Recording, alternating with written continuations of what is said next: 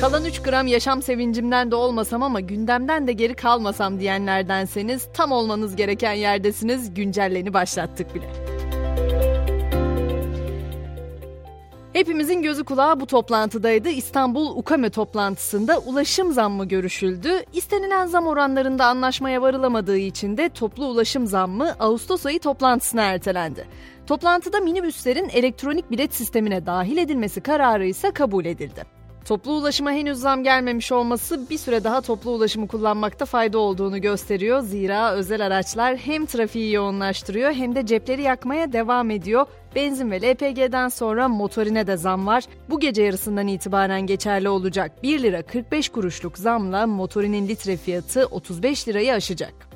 Starbucks'ta geçtiğimiz Mayıs ayındaki zamlardan sonra bir kez daha dev bir zam duyurdu. Küçük boy filtre kahvenin fiyatı bu son zamla birlikte 45 liraya çıktı. Haliyle artık kahvenin de en az 45 yıl hatırı olması gerektiğini düşünüyorum.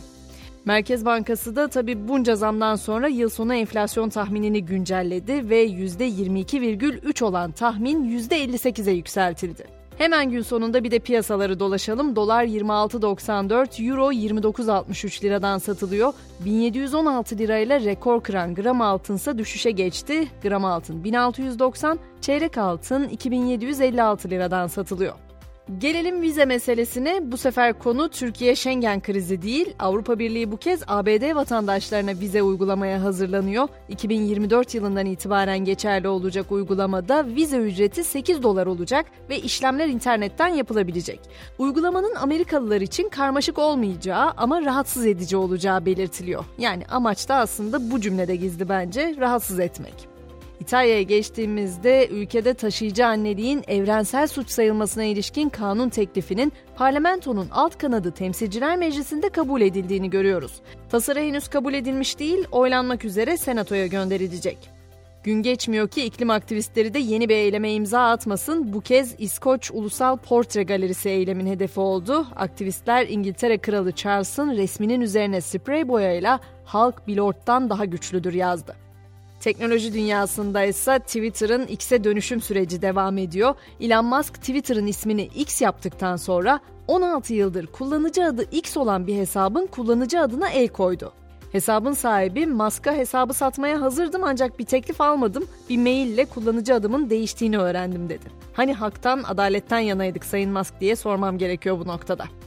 Instagram ise hikaye paylaşımı için uygulanan yakın arkadaşlar özelliğinin bir benzerini gönderiler için tasarladı. Kullanıcıların bu yeni özelliği kullanabilmesi için paylaşım bölümüne kitle adlı yeni bir seçenek eklendi. Ancak bu özelliğinde şöyle bir handikapı var. Sadece yakın arkadaş listesi için paylaşılan gönderi profildeki gönderi sayısına dahil ediliyor. Yani dikkatli takipçiler ya da o stalkerlar yeni gönderi paylaştığınızı anlayabilecek. Hemen bir de uzay dünyasına uğrayalım. James Webb Uzay Teleskobu 1470 ışık yılı uzaklıktaki genç yıldız çiftinin fotoğrafını çekti. Bu öyle hemen aklınızda beliren paparazzi fotoğraflarına pek benzemiyor. Hayır öyle bir şey değil.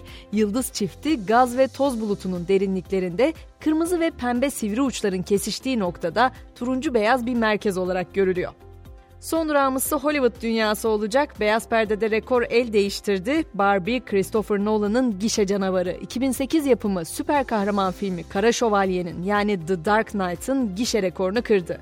Barbie 24 Temmuz pazartesi günü ABD gişelerinde 26 milyon dolar hasılat elde etti.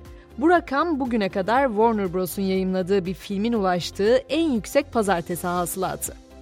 Spor dünyasına da oldukça önemli olduğunu düşündüğüm bir haberle geçeceğim. İspanya başörtüsü takmadan uluslararası müsabakaya katılarak gündem olan İranlı satranç oyuncusu Sara Hadım'a vatandaşlık verdi.